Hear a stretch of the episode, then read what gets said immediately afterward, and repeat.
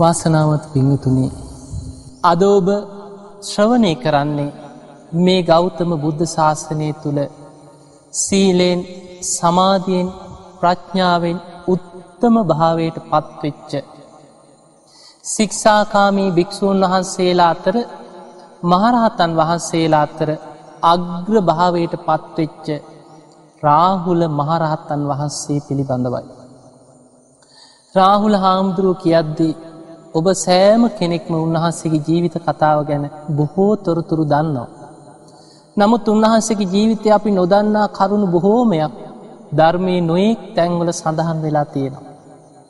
ඒ රාහුල හාමුදුරන්ගේ ජීවිතේ උන්වහන්සේගේ උපත්තිය ඉදම්ම පිරිනිවන් පාන මොහොත දක්වාම ආශ්චරමත් තොරතුරු රැසක් ඒ ජීවිත කතාවට ඇතුළත් වෙනවා. සාමාන්‍ය මහරහත්තන් වහන්සේලා වගේ නෙමෙයි. රාහුල මහරහතන් වහන්සේ පිරිනිවන් පෑවේ තවතිසා දිව්‍ය ලෝකේ. උන්වහන්සේ දිව්‍ය ලෝකයට වැඩම කරලා දිව්‍ය ලෝකේම පිරිනිවන් පෑවා උන්වහන්සේගේ ධාතුන් වහන්සේලා පවා අද මේ වන විටත් දිව්‍ය ලෝකයේ දෙවියන් අතර වන්දනාමාන කරමින් දිව්‍ය ලෝකේමයි පවතින්. එවැනි ආශ්චරමත් මහරහත්තන් වහන්සේ නමක් පිළිබඳව. ඒවගේම බුදුරජාණන් වහන්සේගේ ගිහි ජීවිතය තුළ ඒ සිද්ධාර්ථ කුමාරයාගේ ගිහි ජීවිතය තුළ තමන්ගේ එකම පුට්ටරත්නය බවට පත්වෙච්ච. ඒ රාහුල කුමාරයාගේ ගිහි ජීවිතයත් උන්වහන්සේගේ පැවිදි ජීවිතයත් රාහුල මහරහතන් වහන්සේගේ අරහත්වයෙන් පසු. පිරිනිවන් පාන මොහොත දක්වාම උන්වහන්සේ ගතකරපු ඒ අසිරිමත් ජීවිත කතාවත් අද දවසේ ඔබට දැන කියාගන්න අවස්ථාව ලැබෙනවා. පිංහතුනි අසූ මහා ශ්‍රාවකයන් අතර අග්‍රස්ථානයක් ලබන්න. ඒ වගේම බුදුරජාණන් වහන්සේ නමකගේ ගිහි ජීවිතයේ පුට්ට රත්නයක් වෙලා උපදින්න මේ ලෝකෙ හැම කෙනෙකුටම වාසනාවක් නෑ. ඒ වෙනුවෙන්ම අසංකේයකුත් කල්පලක්ෂයක් පුරාවට පාරමී ධර්මයන් දියුණු කළ යුතු බව අටුවාවේ සඳහන්ව තිබෙනවා. මේ රාහුල හාමුදුරුව බුදුරජාණන් වහන්සේ නමකගේ පුතෙක් බවට පත්වෙන්න ගිහි ජීවිතයේ පුටරත්නයක් බවට පත්වීම පිණිසම කල්ප ගණනාවක් පාරමී ධර්මයන් දියුණු කරගෙන පැමිණිලා මේ ගෞතම බුද්ධ ශාසනයේ ලෝකයේ බිහිවෙද්දි.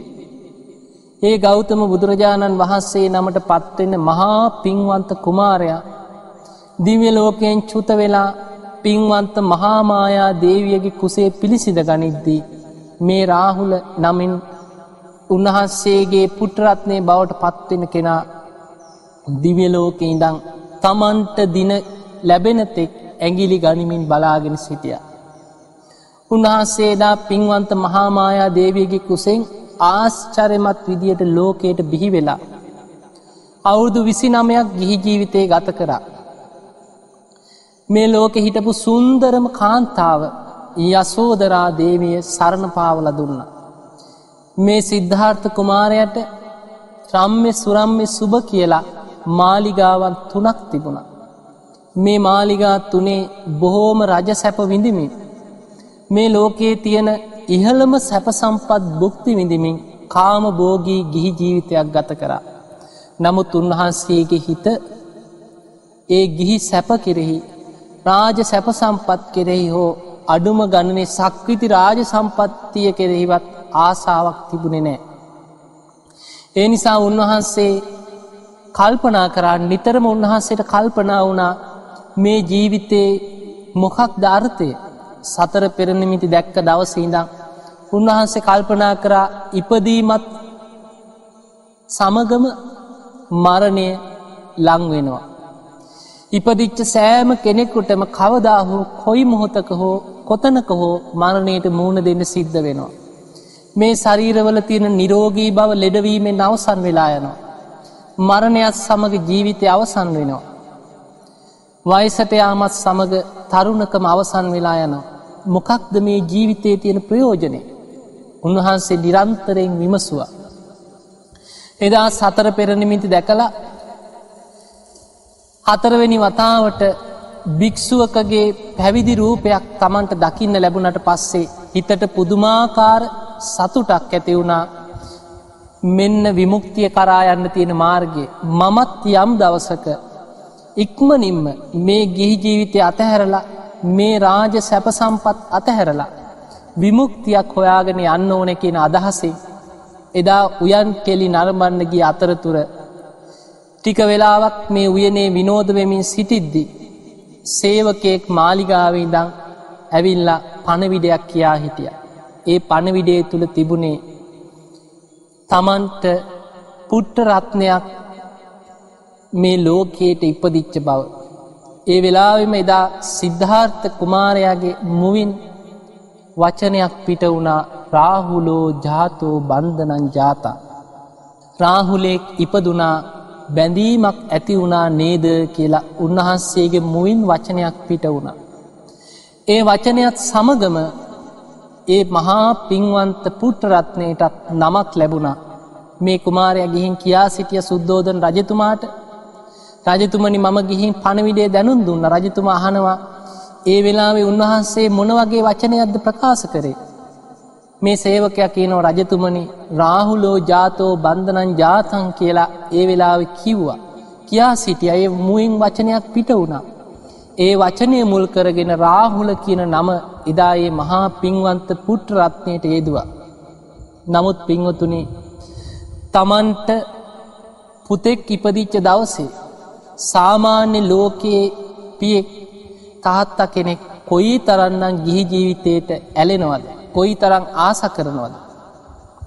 නමුත් මේ අසංකයේ හතරකුත් කල්ප ලක්ෂයක් පුරාවට පාරමී ධර්මයන් දියුණු කරපු මේ බෝසතාණන් වහන්සේ සිද්ධාර්ථ කුමාරයා තමන්ට පුතෙක් ඉපදිච්ච දවසේ එදා රාත්‍රයේ උන්වහන්සේ කල්පනා කරා විමුක්තිය හොයාගෙන යන්නට ඕනෑ මේ ලෝක සත්වයන් උදෙසාම මගේ ජීවිතය මං කැප කරන්නට ඕනෑ මේ සැප සම්පත් මෙහි ගී ජීවිත මේ රාජ සම්පත් සියල්ල අතහැරලා මම විමුක්තිය හොයාගෙන අද දවසේ අද රාත්‍රී කාලේ මේ සැප සම්පත් අතහැරලා යනව කියලා උන්වහන්ස තීරණය කර. එදා යසෝදරාව තමන්ට ඉපදිච්ච මේ කුළුඳුල් පුතා මේ කුමාරය තුරුළු කරගෙන නිදාගනින් ආකාරය හොර රහසේම බලලා තමන්ට ආසාාවක් ඇතිවුණා මේ දරුවව තුරුළු කරගන්න වඩාගන්න කොයි තාත්තා කෙනෙකුට නඟ ආසාාවක් ඇති නොවෙන්නේ. උන්වහන්සේට ඇතිවෙච්ච ආදරණී හැඟීම් දරු සෙනෙහස එදා උන්වහන්සේ යටපත් කරගෙන.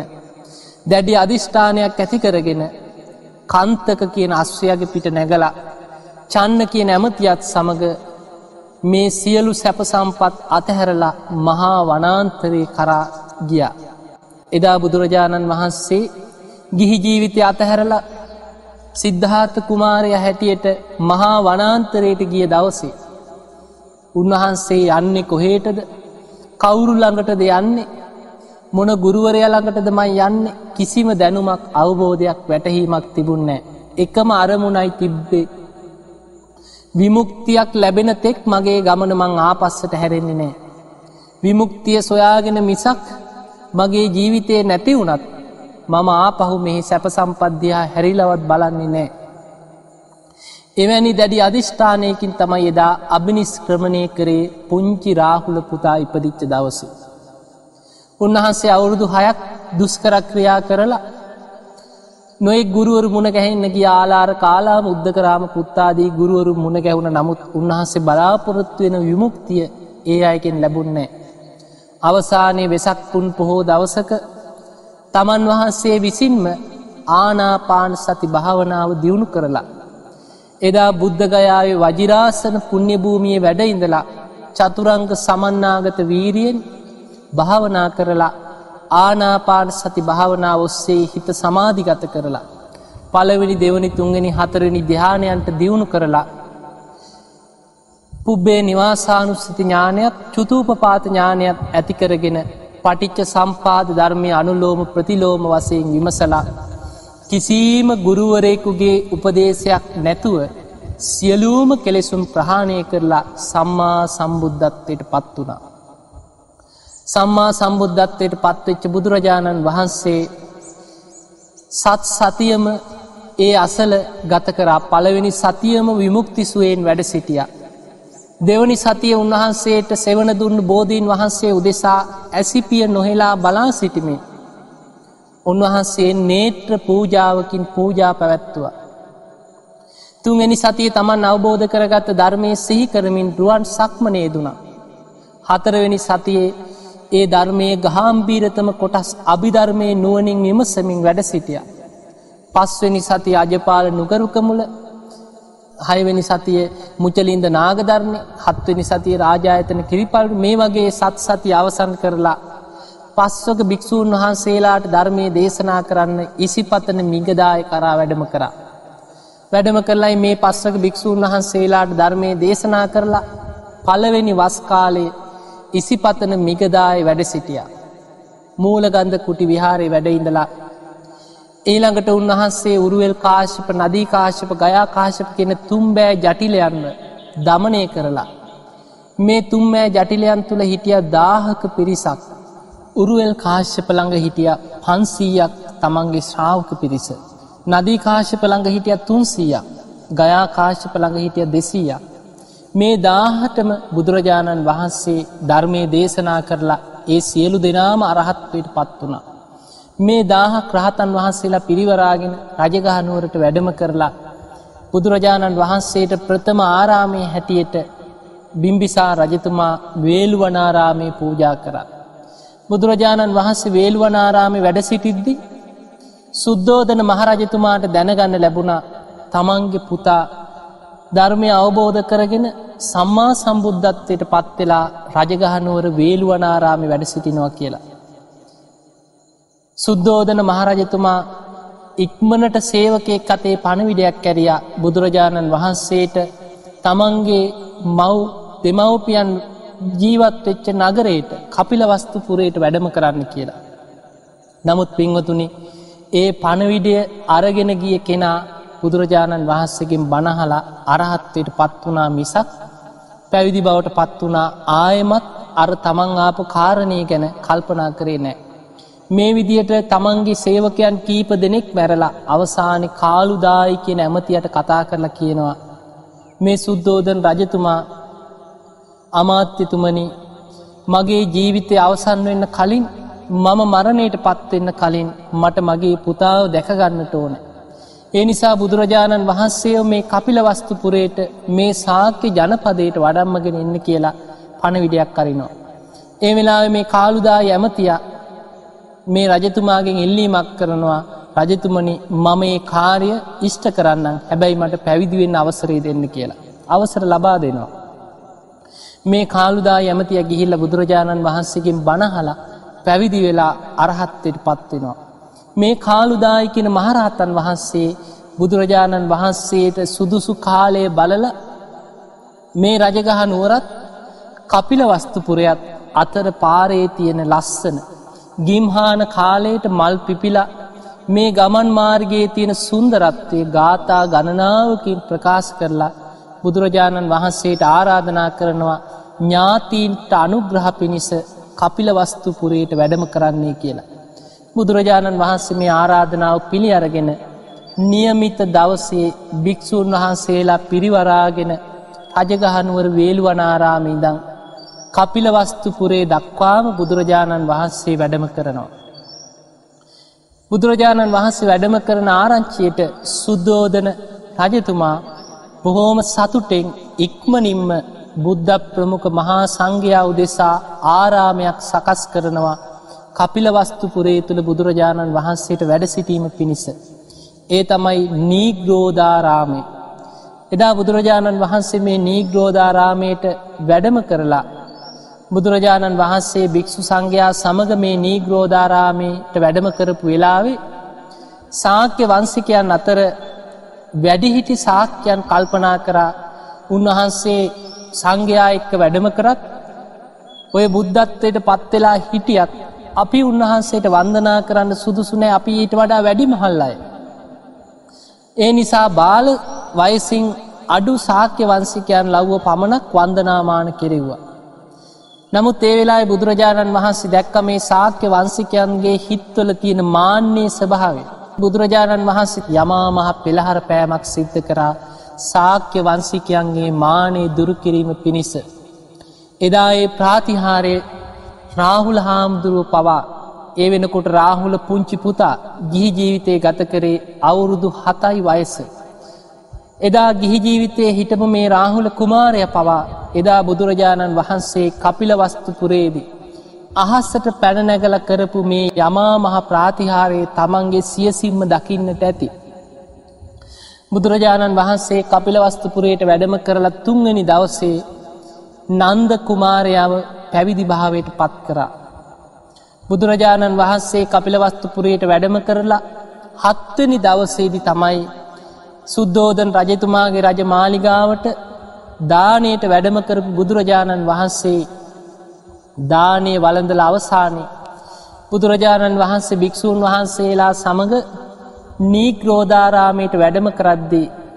ඒ මාලිගාවේ උඩු මහලේ සඳලු තලයෙන් බලාගෙන හිටිය යසෝදරාව.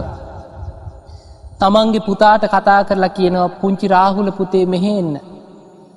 අර සංඝයා පිරිවරාගෙන ඉදිරියෙන් වැඩම කරන්නේ සාන්ත ගමනකින් ඔබේ පියාණන්. ඉක්මනට ගිහිල්ලා ඔබේ පියාගෙන් දායාදය ඉල්ලකරන්න. ඔබට ලැබිය යුතු දායාදේ මේ පියාගෙන් ඉල්ලගන්න කියලා පුංචි රාහුල කුමාරයාව පිටත් කරලා ඇරිය. එදා මාලිගාවෙන් පහලට බැහැගෙන දුවගෙන දුවගෙන ගිය පුංචි රාහුල කුමාරයා බුදුරජාණන් වහන්සේගේ ශ්‍රී හස්තය ඉල්ලලා පියාණනි මට දායාදේ ලබා දෙන්න. පියාණනී මට දායාදේ ලබා දෙන්න කියලා බුදුරජාණන් වහන්සේගේ ශ්‍රී හස්තය ඉල්ලුණා. බුදුරජාණන් වහන්සේ අතින් අල්ලගෙන ගිහිල්ලා උන්වහන්සේ නීග්‍රෝධාරාමයට වැඩම කළ කල්පනා කරා මේ ලෝකයේ කෙනෙකුට ලබා දෙන්න තියෙන උතුම්ම දායාදේ තමයි සංසාරදුකින් නිදහස් කරලා නිවන කරායන්න උදව්පකාර කිරීම. තතාගත සම්මා සම්බුදුරජාණන් වහන්සේ නමක් වසයෙන් තමන්ගේම ගිහි ජීවිතය තුළ දරුවෙක් බවට පත්වෙච්ච මේ රාහුල කුමාරයට මට දෙන්න තියෙන උතුම්ම දායාදේ තමයි පැවිදිකම. බුදුරජාණන් වහන්සේ කතා කරා සාරිපුත්ත මහරහත්තන් වහන්සේට කතා කරලකින සාරිපුත්තය මේ පුංචි රාහුල කුමාරයාව ඉක්මනට පැවිදි කරන්න කීවා මේ තතාගතයන් වහන්සේගේ දායාදේ ලබාදෙන්. එදා රාහුල කුමාරයාව පැවිදි කරේ සාරිපුත්ත මහරහත්තන් වහන්සේ. සාරිපුත්ත මහරහතන් වහන්සේ තමයි රාහුල හාමුදුරුවන්ගේ ගුරුවරයා බවට රාහුල හාමුදුරන්ගේ උපාධ්‍යයන් වහන්සේ බවට පත් වනේ. පිංවතුනි ඔය විදිහට තමයි පුංචි රාහුල හාමුදුරුවෝ පැවිදිබීමට පත් වනේ. නමුත් රාහුල හාමුදුරන්ගේ පැවිදිවීමත් සමඟ සුද්දෝදන රජතුමා පුදුමාකාර දුකකට කම්පාවකට පත් වනා තමන්ගේ රාජකීය ඊළඟට රජකම දෙන්න හිටිය මේ කුමාරයට. ඒ නිසා මේ කුමාරය පැවිදි කිරීම නිසා සුද්දෝදන රජතුමා බොහෝම දුකට පත්වෙලා බුදුරජාණන් වහන්සේගෙන් ඉල්ලීමක් කරා. ස්වාමීනී භාග්‍යතුන් වහන්ස දරු සෙනෙහස කියන්නේ මේ සම්මස් විදගෙන නහරවැල් විනිවිද ඇටමිදුළු දක්වාම ගිය දෙයක්. ඒ නිසා දෙමව්පියන්ගේ අවසරයක් නැතුව කුලදරුවන් පැවිදි නොකරන සේක්වා කියලා බුදුරජාණන් වහන්සේගෙන් ඉල්ලීමක් කරා. එදා බුදුරජාණන් වහන්සේ මේ සුද්දෝදන රජතුමාගේ ඉල්ලීම පිළි අරගෙන බුදුරජාණන් වහන්සේ විනය සික්ෂාපදයක් හැටියට විනය නීතියක් හැටියට සංඝයාට පනෙව්වා යම් කිසි කුලදරුවෙක් පැවිදි කරනවනම් දෙමව්පියන්ගේ අවසරේ ලබාගන්නේ කියන කාරණය. එදා ඒ විනයට ඇතුල් කරේ මේ රාහුල ස්වාමීන් වහන්සේගේ පැවිදි කිරීමත් සමගයි. පුංචි රාහුල හාමුදුරු කියන්නේ පුදුමාකාර සික්ෂාකාමී භික්ෂුවක්. රාහුල හාමුදුරුවෝ හිමිදිරි උදෑසනම අවදි වෙලා තමන්ගේ වත් පිළිවෙත් සියල්ල බොහෝම සද්ධාවෙන් ගෞරවෙන් ඉවසීමෙන් ඉෂ්ට කරන කෙනෙක්. මුළු ආරාම භූමිය පුරාවටම අතුපතු ගාලා අවසානයේ වැලි අහුරක් අරගෙන අහසට විසි කරලා අධිෂ්ඨානයක් කරනවා. අද දවස පුරාවටම මේ වැලි අහුරේ තියෙන වැලිකැට ගණනට මට අවවාද අනුශාසනා ලැබේවා. ඒ අවවාද අනුශාසනා සියල්ලම මං ඉතාම ගෞරුවෙන් ඉෂ්ට කරනවා කියන අධිෂ්ඨානය උදෑසනින්ම වැලි අහුරක් අහසට විසි කරලා කරනවා. මේ වගේ අවවාද අනුශාසනා බොහෝම ගෞරුවෙන් පිළිගත්ත ශික්ෂාකාමී භික්‍ෂුවක් හැටියට රාහුල ස්වාමීන් වහන්සේ මේ බුද්ධ ශාසනය තුළ බැබලුණා. මේ රාහුල හාමුදුරුවන්ගේ ශික්ෂාකාමීකම නිසාම උන්වහන්සේ සමහර භික්‍ෂූන් වහන්සේලා නිසා නොයෙක් පීඩාවන්ට හිංසනයන්ට පත්වෙච්චම කමත් ධර්මය සඳහන් වෙනවා. ඒකට හේතුව සමහරු කල්පනා කරා මේ රාහුල හාමුදුරුවන්ගේ ශික්ෂා කාමී බව පරීක්ෂා කරන්න. ඒ නිසාම මේ අය කරන්නේ රාහුල හාමුදුරු අතුපතු ගෑවට පස්සේ මිදුල හැඩි කරනවා. ආයමත් එක එක විදියට කුණු දාලා චෝදනා කරනවා මේ රාහුල හාමුදුරු තමයි මේක කරේ.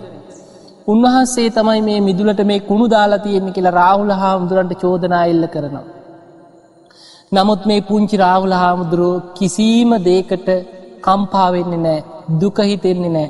උන්වහන්සේ නොකළ වැරැද්දක් පවා බොහෝම ගෞරුවෙන් පිළි අරගෙන. උන්වහන්සේ ආයමත් අතුපතු ගාලා අර තමන්ට චෝදනා කරපු භික්‍ෂූන් වහන්සේලාට ගෙන් උන්වහන්සේ කියා සිටිනවා ඔබ වහන්සේලා මට මේ වැනි අඩුපාඩුවක් තියෙනවනම් පෙන්නල දෙන්න මේක මට ලොකූ ගෞරවයක් ඔබ වහන්සේලා මට අනුග්‍රහ කරන සේක්වා කියලා උන්වහන්සේලාටම ස්තුති කරනවා. මේ නිසාම සමහර භික්‍ෂූන් වහන්සේලා කුටි සෙනසුන් නැති වුණහම. ආගන්තුකෝ බොහෝ පිරිසක් වැඩම කරාට පස්සේ තමන්ට ඉන්න තැනක් නැති වුණහම රාහුල් හාමුදුරන්ගේ කුටියට මැවිල්ල උන්වහන්සේ එලියට දාලා රාහුල හාමුදුරන්ගේ කුටිය බලෙන් අත්පත් කරගත්ත බව ධර්මය නොයෙක් අටුවා විස්තරවල සඳහන් වෙලා තියෙනවා. එක දවසක් බුදුරජාණන් වහන්සේ ජේතවනාරාමි වැඩ සිටිද්දි ආගන්තුක ස්වාමීන් වහන්සේලා කණ්ඩායමක් පැමිණියා උන්වහන්සේලාට එදා දවස වැඩ සිටින්න කුටි සෙනසුන් තිබුණෙ නෑ. ඒ කුටි සියල්ලම සංඝයාගෙන් පිරී ඉතිරිලා තිබුණා. ඒ නිසා මේ අය මොකද කරේ පුංචි රාහුල හාමුදුරුවන්ගේ කුටියට බලහත්කාරයෙන් ඇතුල් වෙලා රාහුල හාමුදුරුවන් එලියට ඇදල දැම්ම. මේ රාහුල හාමුදුරුවන්ට එදා දවස නිදාගන්න තැනක් තිබ්බෙනෑ. උන්වහන්සේ ගිහිල්ලා බැලුව තමන්ට නිදියන්න තැනක් නෑ රාත්‍රී කාලෙ සීතලයි. ගස් සෙවන පිණි ඇදගෙන වැටෙනවා. ඒ නිසා බුදුරජාණන් වහන්සේගේ වැසිකිලි ඇතුළට ගිහිල්ලා උන්ඩි වෙලා නිදාගත්තා. රාත්‍රී කාලෙ බුදුරජාණන් වහන්සේට කැසිගිලියට යන්න අවශ්‍යතාව ඇති වෙලා උන්වහන්සේ ගන්ධ කුටියෙන් එලියට පැමිණිලා වැසිකිලිය ඉදිරියට ගිහිල්ල බුදුරජාණන් වහන්සේ උගුර පෑදවා. උගුර පාදනකොට මේ වැසිගිලි ඇතුළෙනුත් කෙනෙක් උගුර පෑදවා. බුදුරජාණන් වහන්සේ අහනව කෞද මේ තතාගතයන් වහන්සේගේ වැසිගිලි ඇතුළ ඉන්නේ. ඒ වෙලේ රාහුල හාමුදුර ඇතුළ ඉදං කියනවා ස්වාමීණී භාග්‍යතුන් වහස මම මේ රාහුල බුදුරජාණන් වහන්සේ යනෝ රාහුල මේ මහා රාත්‍රියයේ මේ වැසිකිලි ඇතුළට වෙලා ඔබ වහන්ස මොකද කරන්න. අනේ ස්වාමීණී භාග්‍යතුන් වහස ඊය රාත්‍රී මට නිදාගන්න තැනක් තිබෙනෑ. මගේ කුටියට ස්වාමීන් වහන්සේලා බොහෝ පිරිසක් පැමිණිය උන්වහන්සේලාට ඒ කුටිය ඉන්න ඉඩදීලා මම මේ වැසිකිලි ඇතුළේ ඊය රාත්‍රී කාලි නිදාගත්ත. බුදුරජාණන් වහන්සේ භික්‍ෂූන් වහන්සේලා රැස් කරලා. භික්‍ෂු සංඝයා රැස් කරලා ඉදා දවසේ කියා සිටිය මහනෙන ඊයේ රාත්‍රී කාලය පුරාවටම මේ පුංචි රාහුල නිදාගෙන තියෙන්නේ තතාගතයන් වහන්සේගේ වැසිකිලිය තුළ. ඒ නිසා මේ වගේ සංඝයාට හිංසා වෙන විදිිය කටයුතු කරන්න එපා කියල බුදුරජාණන් වහන්සේ ඉල්ලීමක් කර. එතකොට බලන්න මේ ගෞතම බුද්ධ ශාසනය තුළ ගෞතම බුදුරජාණන් වහන්සේගේ ගිහි ජීවිතයේ පුතාවෙච්ච රාහුල හාමුදුරුවන්ග පවා කුටියෙන් එලියට ඇදල දාලා ඒ කුටිය බලහත්කාරයෙන් අත්පත් කරගත්ත භික්‍ෂූන් වහන්සේලා එදා බුදුරජාණන් වහන්සේගේ කාලෙ වැඩ සිටිය. රාහුල හාමුදුරුවන්ට පවා ඉන්න තැනක් නැතුව වැසිකිලි එදා රාත්‍රී කාලෙ ගත කරන්න සිද්ධ වුණා. මේ රාහුල හාමුදුරුවන්ගේ ජීවිතයේ එවැනි සිදුවීම් ගණනාවක් සඳහන් වෙලා තියෙනවා. පුංචි රාහුල හාමුදුරුව දවසක් එලිමහනේ භාවනා කර කර ඉන්නවා දැක්ක සාරිපුත්ත මහරහත්තන් වහන්සේ රාහුල හාමුදුරුවන්ට කියා සිටිය රාහුල ඔබ ආනාපාන සති භාවනාව කරන්නේ කියලා සාරිපුත්ත මහරහත්තන් වහන්සේ රාහුල හාමුදුරුවන්ට අවවාදයක් කරලා උන්වහන්සේ වැඩම කරා. නමුත් පුංචි රාහුල හාමුදුරුව දැනගෙන හිටිය නෑ කොහොමද මේ ආනාපාන සති භාවනාව ගැඹුරට දියුණු කරන්නේ. කොහොමද මේ ආනාපාන සති භාවනාව ඔස්සේ නිවන් අවබෝධය දක්වාම දියුණු කරගන්නේ කොහොමද කියලා උන්වහන්සේට දැනුමක් තිබ්බෙනෑ. රාහුල හාමුදුරුව බුදුරජාණන් වහන්සේගේ ගන්ධ කුටියට ගිහිල්ල බුදුරජාණන් වහන්සේට වන්දනා කරලා බුදුරජාණන් වහන්සේගෙන් ඉල්ලීමක් කරා ස්වාමීනී භාග්‍යතුන් වහන්ස භාග්‍යවත් බුදුරජාණන් වහන්ස සාරිපුත්ත මහරහතන් වහන්සේ මට ආනාපාන සතිය වඩන්න කියල උපදෙස් දුන්නා. ස්වාමීනී භාග්‍යතුන් වහන්ස ආනාපාන සති භාවනාව කරන්නේ කොහොමද කියලා බුදුරජාණන් වහන්සේකින් ඇහුවා. නමුත් පිංහතුනි කෙනෙකුගේ ඉන්ද්‍රිය ධර්මයන් දිහා බලලා. කෙනෙකුගේ ධර්මය අවබෝධ කිරීමේ කුසලතාවේ හරියටම දකින නුවනක්. ඉන්ද්‍රිය පරෝ පරියත්තය කියන ඥානයක් පිහිටල තියෙන්නේ බුදුරජාණන් වහන්සේ නමකට පමණයි. ඒ නිසා බුදුරජාණන් වහන්සේ රාහුල ආමුදුරුවන්ගේ ඉන්ද්‍රිය ධර්මදිහා බැලුව. බලද්දි බුදුරජාණන් වහන්සේ දැක්කා පුංචි රාහුල හාමුදුරුවන්ට ආනාපාන සති භාවනාව දියුණු කරන්න තරං තවම සිහියත් නුවනත් දියුණු වෙලා නෑ. උන්වහන්සගේ ඉන්ද්‍රිය ධර්ම තවම වැඩිල නෑ මේ ආනාපාන සතිය ඔස්සේම ධර්මය දියුණු කරගන්න. ඒ නිසා බුදුරජාණන් වහන්සේ රාහුල හාමුදුරන්ට උපදෙස් තුන්න රාහුල ඔබ පළමුුවෙන්ම මෛත්‍රී භාවනාව කරන්න. කරුණා භාවනාව කරන්න. උපේක්කා භාවනාව කරන්න මුදිතා භාවනාවේ දෙන්න. රාහුල ඔබ ධාතු මනසිකාර භාවනාවේ දෙන්න. රාහුල ඔබ පිළිකුල් භාවනාව කරන්න.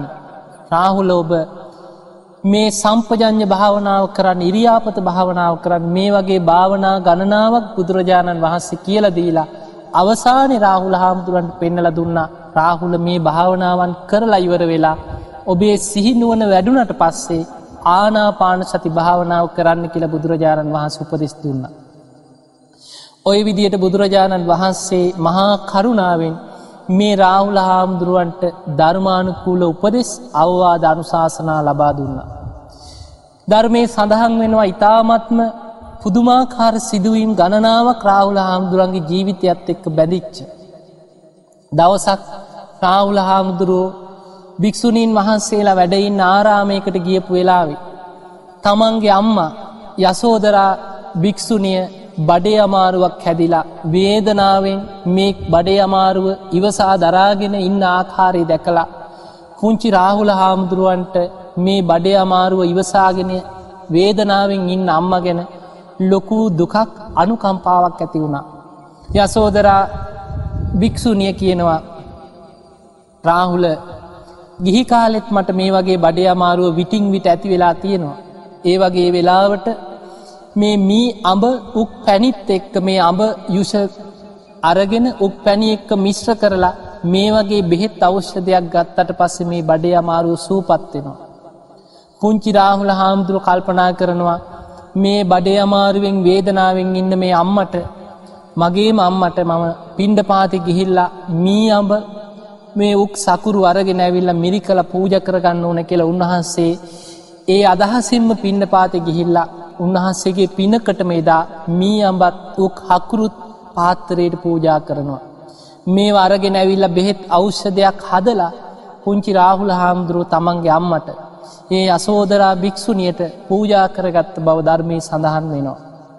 මෙවැනි රාහුල හාමුදුරන්ගේ ජීවිතයත් එක්ක බැඳිච්ච ඉතාම අසිරිමත් දේශනා ගණනාවක් ධර්මී සඳහන් වෙනවා. බුදුරජාණන් වහන්සේ රාහුල හාමුදුරුවන්ට උපදෙස් ලබාදීල තියෙනවා. රාහුල මේ බොරු කීමේ ආදීනව ගැන. බොරු කියන භික්‍ෂුව කොයි තරං හිස් කෙනෙද්ද කියන එක බුදුරජාණන් වහන්සේ රාහුල හාමුදුරන්ට දවසක් හිස් භාජනයක් අරගෙන මේ භාජනය අනි පැත්ත හරෝලා රාහුල හාමුදුරන්ට කිනව රාහුල මේ අනි පැත්ත හරෝපු හිස් භාජනය යම් සේද බොරු කියන භික්‍ෂුවත් ඒ වගේ කියනවා. සම්පූර්ණය මෙයාගේ ජීවිතයේ හිස් කියල බුදුරජාණන් වහන්සේ රාහුල හාමුදුරුවන්ට අවවාද අනුශාසනා කරලා මේ රාහුල භික්‍ෂුවගේ තියෙන ඉවසීම උන්වහන්සේගේ තියෙන ශික්ෂාකාමීකම ගැන බුදුරජාණන් වහන්සේ වර්ණා කරපු දේශනා ගණනාවක් ධර්මී සඳහන් වෙනවා. පිංවතුනි මේ රාහුල හාමුදුරුවන්ගේ අරහත්වේ පවා රාහුල ස්වාමීන් වහන්සේගේ රහත්වීම පවා ඉතාම ආශ්චරමත් විදියට සිද්ධ වෙච්ච කාරණයක්. රාහුල හාමුදුරුව උතුම් පැවිදි බවට පත් වනේ අවුරුදු හතක් වගේ වයසක් ඇති කාලේ. ඒ ඇන පුංචි කාලෙදිමයි උන්වහන්සේව පැවිදි කරේ. නමුත් රාහුල ස්වාමීන් වහන්සේ අරහත්වයට පත්වෙනකොට උන්වහන්සේගේ වයි අවුරුදු විස්සක් පවන වන බව අටුවාව සඳහන් කරනවා. මේ දේශනාව සංයුත්ත නිකායි රාහුලෝවාද සූත්‍රය සඳහන් වෙනවා. එදා බුදුරජාණන් වහන්සේ උදෑසනම භාවනා කරලා රාහුල හාමුදුරුවන්ගේ ඉන්ද්‍රිය ධර්මදිහා බලද්දි. බුදුරජාණන් වහන්සේ දකිනවා දැන්නම් රාහුල හාමුදුරුවන්ට ධර්මය අවබෝධ කර ගැනීම පිණිස දියුණු වෙච්ච ඉන්ද්‍රිය ධර්මයන් තියෙනවා. රාහුල හාමුදුරුවන් ඉන්ද්‍රිය ධර්මයන් දැන්නම් වැඩිලා මේ ඉන්ද්‍රිය මෝරලා දැන්නම් මේ ධර්ම අවබෝධයට මේ ඉන්ද්‍රිය යොමු කරන්න පුළුවන්. එදා බුදුරජාණන් වහන්සේ දහවල් දානය වලදල පුංචි රාහුල හාමුදුරුවන්ගට ගිහිල බුදුරජාණන් වහන්සේ වදාළ රාහුල නිසීදනය අරගෙන තතාගතයන් වහන්සේ පිටු පසින් එන්න කියලා බුදුරජාණන් වහන්සේ අන්ද වනයට වැඩම කරා. පිංවතුනි බුදුරජාණන් වහන්සේ එදා අන්ද වනයට රාහුල හාමුදුරුවොත් එක්ක වැඩම කරද්දී. ඒ සිදුවීම එදා බුදුරජාණන් වහන්සේ වඩිනකොට අද දවසේ මෙවැනි සිදුවීමක් සිද්ධ වෙනවා කියන කාරණය වෙන මනුස්සලෝක කිසිම කෙනෙක් දැනගෙන හිටිය නෑ. බලන්න අපි හැම කෙනෙක්ගෙම ජීවිතවල අපි හිතන දේවල් අනාගතය අපි කරන දේවල් සිද්ධ වෙන සිදුවීම් ඒ සිතුවිලි සියල්ල දෙවියන් ඉරිදි බල සම්පන්න දෙවියන් අවබෝධයෙන් දැනගන්නවා. එදා බුදුරජාණන් වහන්සේ රාහුල හාමුදුරුවොත් එක්ක අන්ද වනයට වැඩම කරද්දී. භූමාට දෙවියන්ගේ ඉදං අකනිට බක් බ්‍රහ්මලෝකයේ දක්වාම දෙවිවරු ප්‍රීති ගෝසා කරා අද රාහුල හාමුදුරුවන් අරහත්තේ පිණිස හික්මෝනවා. අද පුංචි රාහුල හාමුදුරුවන්ට බුදුරජාණන් වහන්සේ කෙලෙසුන්ගෙන් හිත මිදෙන ආකාරයේම උතුම් ධර්මයක් දේශනා කරනවා. අපි සියලු දෙනාම අන්ද වනයට යමු කියලා දෙවිවරු ප්‍රීති ගෝසා කරමින් මුළු අන්ද වනේ අතුරු සිදුරු නැතුව දෙවියන්ගෙන් පිරී ඉතිරී ගිය බව ධර්මය සඳහන් වෙනවා. එදා දෙවිවරු විශාල පිරිසක් මුළු අන්ද වනේම පිරිලා ඉතිරිලා හිටිය. බුදුරජාණන් වහන්සේ පුංචි රාහුල හාමුදුරුව කැටුව මේ අන්ද වනයට ගිහිල්ලා. ගහක් යට බුදුරජාණන් වහන්සේ පනවන ලද ආසනයක වැඩ සිටිය. රාහුල හාමුදුරුව ගහක් යට බුදුරජාණන් වහන්සේට ආසනයක් පනවල දුන්න. ඒ අසලින් රාහුල හාමුදුරුවොත් තමන්ගේ නිසීදන එලලා බුදුරජාණන් වහන්සේ අසලින්ම වාඩි වුණා. පුංචි රාහුල හාමුදුරන්ට බුදුරජාණන් වහන්සේ ටිකෙන් ටික උන්වහන්සේගේ ඉන්ද්‍රිය ධර්මයන් දිහා බලලා. ගැඹුරු ධර්මය මේ පංච උපාදානස්කන්දය මේ ඇස කන නාසය දිව ශරීරයේ මනස කියන ආයතන හය මුල් කරගෙන පංච උපාදානස්කන්දය අවබෝධ කරගන්න ආකාරය බුදුරජාණන් වහන්සේ ඉතාම ගහම්බීර ධර්ම දේශනාවක් පැවැත්තුවා. මේ දේශනාව අතරතුර බුදුරජාණන් වහන්සේ රාහුල හාමුදුරුවන්ගේ ප්‍රශ්නහනවා රාහුල මේ ඇස නිත්‍යයිද අනිත්‍යයිද. රාහුල හාමුදුර හොදට නුවනින් විමසල කියනවා අනිච්චම් බන්තය අනිත්‍යයි ස්වාමීණි. බුදුරජාණන් වහන්සේයානවා රාහුල යමක් අනිත්‍යනම් ඒක දුකක්ද සැපක්ද. රාහුල හාමුදුර හොදට නුවනින් විමසල බුදුරජාණන් වහන්සේට පිළිතුරු දෙනවා දුක්කම් බන්තේ දුක්කයි ස්වාමීණි දුකක්. බුදුරජාණන් වහන්සේ වදා රාහුල යමක් අනිත්‍යයි නම් දුකයිනම්. එය මම කියා හෝ මගේ කියා හෝ මගේ ආත්මය වසයෙන් පිළිගන්න පුළුවන්ද. රාහුල හාමුදුර හොදට නුවනින් විමසල උත්තර දුන්න නෝහේ තම්බන්තේ නැහැස්වාමීනි. මේ විදිහට මේ උතුම් පංච උපාදානස්කන්දය ගැනම බුදුරජාණන් වහන්සේ රාහුල හාමුදුරුවන්ගේ ප්‍රශ්න ඇහුවා. ඒ දේශනාව අවසන් වෙනකොට එදා අන්ද වනේදී රාහුල හාමුදුරුවන්ට බුදුරජාණන් වහන්සේ කරපු ඒ උතුම් දේශනාව අවසන් වෙද්දී රාහුල හාමුදුරුවන්ගේ හිත සියලූම කෙලෙසුන්ගේ නිදහස් වෙලා රාග දේශ මෝහාදී සියලු අකුසල් සියලු ආශ්‍රවයන්ගෙන් හිත මිදිලා උතුම් අරහත්වයට පත් වනා. ඒ විතරක් නෙමෙයි එදායේ ධර්මය ශ්‍රවණය කරන්න දිව්‍ය ලෝකවලින් පිරිලා ඉතිරිලා පැමිණිලා මුළු අන්දවනේ අතුරුත් සිදුරු නැතුව හිටපු සියලූම දෙවියන් ඒ උතුම් ගහම්බීර දේශනාව ශ්‍රවණය කරලා උතුම් සෝවාන් පලට පත්වෙච්ච බව ධර්මය සඳහන් වෙනවා. ඔන්න ඔය ආකාරයට තමයි පුංචි රාහුල හාමුදුරුවෝ උතුම් අරහත්වයට පත්වනේ. මේ රාහුල හාමුදුරුවන්ගේ ජීවිතයේ ඉතාමත්ම පුදුමාකාර සික්ෂාකාමී බවක් තිබ්බ කෙනෙක්. උන්වහන්සේ නොයෙක් අවස්ථාවල නොයෙක් භික්‍ෂූන් වහන්සේලාගේ උන්වහන්සේගේ සික්ෂාකාමී බව නිසාම ඉවසීම නිසාම ඉවසීම පරීක්ෂා කරන්නේ ඇතැම්මයි කරපු කටයුතු නිසා යම් යම් පීඩාවන්ට දුක්කොලට පත්වෙච්ච කෙනෙක්. මේ පුංචි රාහුල හාමුදුරුවන්ට වැඩි ආයුසක් තිබුණෙත් නෑ වැඩ සිටින්න.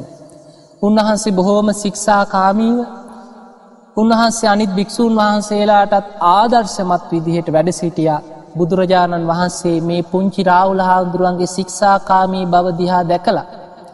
භික්‍ෂු සංඝයා ඉදිරියේදි බුදුරජාණන් වහන්සේ වදාලා මහනෙන මේ මගේ පුට්ට රාහුල මේ රාහුල ස්වාමීන් වහන්සේ සික්ෂාකාමී භික්‍ෂූන් අතර අග්‍රයි කියල බුදුරජාණන් වහන්සේ අග තනතුරකට පත් කරා. පුංචි රාවුල හාමුදුරුවෝ අවුරුදු හතේදී පැවිදි බිමට පත් වනා. අවුරුදු විස්ස වගේ කාලෙදි උතුම් අරහත්වයට පත් වනා. නමුත් රාවුලාහාමුදුරන්ට බොහෝ කාලයක් වැඩ සිටින්න ආයුෂ්‍ය තිබිච්ච නැති බව ධර්මය සඳහන් වෙලා තියෙනවා. රාවුලාහාමුදුරු පිරිනිවන් පාල තියෙන්නේ අවුරුදු හතලිස් පහක් වගේ අඩු අයසකද. මේ රාහුලහාමුදුරු පිරිනිවන් පාද්දේ බුදුරජාණන් වහන්සේත් වැඩ සිටිය. ඒවගේම තමන්ගේ මෑණියන් වෙච්ච යසෝදරා රහත් භික්‍ෂුණියත් වැඩ සිටිය. මේ අසෝදරාව පිරිනිවන් පෑයි බුදුරජාණන් වහන්සේ පිරිනිවන් පාන්න අවුරුද්ධකට කලින්. ඊටත් කලින් තමයි මේ පුංචි රාහුල මහරහත්තන් වහන්සේ රාහුල හාමුදුරු පිරිනිවන් පාලතියෙන. සික්ෂාකාමී භික්‍ෂූන් වහන්සේලා අතර අග්‍රම මේ රාහුල මහරහත්තන් වහන්සේ උන්වහන්සේ තේරුණා තමන්ගේ ආයුෂ දවසින් දවස අඩුවෙලා තමන්ට පිරිනිවන් පාන්න දවස ළඟා වෙලා තියෙන බව. පුංචි රාහුල හාමුදුරුව රාහුල මහරහත්තන් වහන්සේ බුදුරජාණන් වහන්සේ මුණගැහෙන් උන්වහන්සේගේ ගන්ධ කුටියට වැඩම කරලා. බුදුරජාණන් වහන්සේට වන්දනා කරලා බුදුරජාණන් වහන්සේගෙන් ඉල්ලීමක් කරා ස්වාමීනී භාග්‍යවතුන් වහන්ස මට පිරිනිවන් පාන්න කාලයයි. ස්වාමීනී භාග්‍යවත් බුදුරජාණන් වහන්ස මට පිරිනිවන් පාන අවසර දෙන සේක්වා කියල බුදුරජාණන් වහන්සේගෙන් අවසර ඉල්ලවා. බුදුරජාණන් වහන්සේ බැලුව රාහුල හාමුදුරුවන්ගේ ආවිස ගෙවිල අවසානයි. රාහුල හාමුදුරන්ට පිරිනිවන් පාන කාලය ලං වෙලා. බුදුරජාණන් වහන්සේ හනුව රාහුල ඔබ කොහේද පිරිනිවන් පාන්න හිතාගෙනන්න. ඒ වෙලා රාහුල හාමුදුරු කියනවා භාග්‍යවත් බුදුරජාණන් වහන්ස දිව්‍ය ලෝකවල දෙවිවරු නොයෙක් දෙවියන් ඇවිල්ල මගෙන් ඉල්ලීමක් කරනවා රාහුලය දිව්‍යලෝකයේ පිරිනිවන් පානසේක්වා කියලා. ඒ නිසා තවතිසාාවේ දෙවියන්ගේ ආරාධනයක් තියෙනවා තවතිසා දිව්‍යලෝකයේම පිරිනිවන් පාන්නේ කියලා. එනිසා රාහුලාහාදුරු කියන ස්වාමීණී භාග්‍යතුන් වහන්ස මම හිතාගෙන ඉන්නේ දිව්‍යලෝකයට වැඩම කරලා දිව්‍යලෝකයේම පිරිවන් පාන්නයි. බුදුරජාණන් වහන්සේ වදාළ සාදු සාදු රාහුල දෙවියන්ගේ ආරාධනය ඒකන දෙවියන්ගේ අදහස් ඒකන ඔබ ඒ දෙවියන්ගේ අදහස්සට අනුව දිවිය ලෝකේම පිරිනිවන් පාන්නේ කියලා බුදුරජාණන් වහන්ස අවසරී ලබා දුන්න. බුදුරජාණන් වහන්සේගෙන් අවසරගත්ත රාහුල හාමුදුරු බුදුරජාණන් වහන්සේට වන්දනා කරලා උන්වහන්සේගේ සිරිපතුල් වන්දනා කරලා ඒවගේම තමන්ගේ ගුරුවරයා බවට පත්වෙච්ච සාරිපුත්ත මහරහතන් වහන්සේටත් වන්දනා කරලා. බුදුරජාණන් වහන්සේගේ ගන්ධ කුටියෙන් එලියට පැමිණිලා බුදුරජාණන් වහන්සේගේ ගන්ධ කුටිය වටා බුදුගුණ සිහි කරමින් තුන් වතාවක්පු පැදකුණු කරමින් වන්දනා කරා. වන්දනා කරලා උදාන ගාථාවන් ගණනාවක් ප්‍රකාශ කරා උන්වහන්ස කියා සිටිනවා සිද්ධාර්ථ කුමාරයගේ පුතා වෙන්නත් මට වාසනාව ලැබුණ. ඒවගේම සාක්‍ය මුණීන්ද්‍රයන් වහන්සේගේ පුට්ටරත්නයක් බවට පත්වෙන්නත් මට වාසනාව ලැබුණ. ඒවගේම දෙපැත්තෙම්ම මට පුතෙක් වෙන්න වාසනාව ලැබුණ. අද මම සියලූම කෙලෙසුම් ප්‍රහාණය කරලා. සික්ෂාකාමී භික්‍ෂූන් වහන්සේලා අතර අග්‍රස්ථානයට පත්වෙලා දීවලෝකයට වැඩම කරලා පිරිනිවන් පානවා කියලා ඒ උදාන ගාථාවන් ප්‍රකාශ කරලා රාහුල මහරහත්තන් වහන්සේ අහසට පැනනැගල දිව්‍යලෝකයට වැඩම කරා. තවතිසා දිව්‍යලෝකයේ වැඩ සිටිය රාහුල හාමුදුරුව සියලූම දෙවිවරු බෝමාට දෙවියන්ගේ පටන් අකනිටා බ්‍රහ්මලෝකයේ දක්වාම සියලු දෙවියන් බ්‍රහ්මයන් ඉදිරියේ. ඒ දෙවියන් බ්‍රහ්මයන්ට අවවාද අනුශාසනා කරලා ඒ අයට වීරියෙන් බණභාවනා කරගෙන ධර්මය කරා යන්න අවවාද කරලා සියලු දෙනාගෙම සාධකාර මධ්‍යයේ රාහුල මහරහතන් වහන්සේ තවතිසා දිවිය ලෝකයේදි පිරිනිවන් පාවදාලා. පිංහතුනි ඔන්න ඔය ආකාරයට තමයි රාහුල හාමුදුරුවන්ගේ ජීවිතයේ මේ ගෞතම බුද්ධ ශාසනය තුළ සික්ෂාකාමේ භික්‍ෂූන් වහන්සේලා අතර අග්‍රස්ථානයට පත්වෙච්ච. බුදුරජාණන් වහන්සේගේ ගිහි ජීවිතය තුළ සිද්ධාර්ථ කුමාරයාගේ පුට්ටරත්නයක් බවට පත්වෙච්ච. පුංචි රාහුල කුමාරයා අවුරුදු හතෙන් පැවිදි ජීවිතයට පත්වෙලා. අවුරුදු විශ්ස වගේ කාලයේදී උතුම් අරහත්වයට පත්වෙලා අවුරුදු හතලිස් පහක් වගේ කාලයක් වෙනකොට තමන්ගේ පැවිදි ජීවිතය තුළ මේ කටයුතු සියල් අවසන් කරලා උතුම් මහරහතන් වහන්සේ නමක් හැටියට දිවිලෝකයට වැඩම කරලා පිරිනිවන් පාවදාල.